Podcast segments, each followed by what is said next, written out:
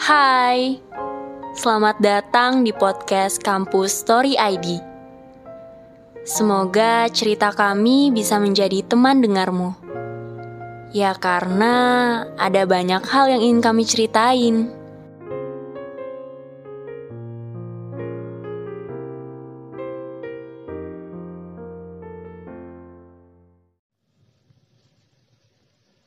Aku kurang mahir dalam menyampaikan perasaan. Itu sebabnya aku lebih memilih untuk menyukaimu dalam diam.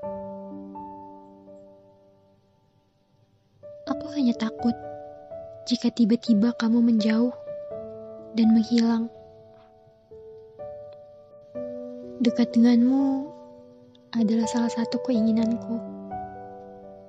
Namun, untuk sekedar menyapa saja, aku ragu. Kalau ragu ini kukumpulkan, pasti sudah sebesar gunung. Atau mungkin sedalam lautan.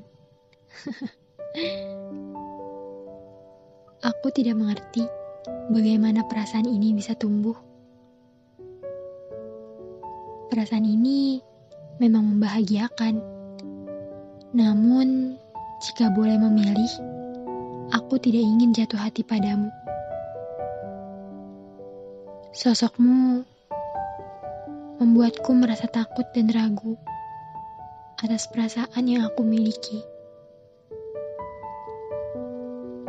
Seringkali aku berusaha menolak, namun pesonamu itu menarikku kembali.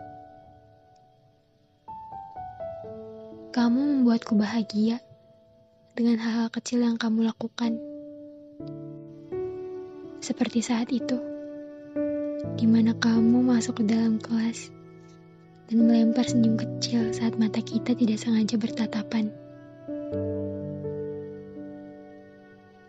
Aku menemukanmu di antara banyaknya orang, dan mataku terpaku menatap senyummu.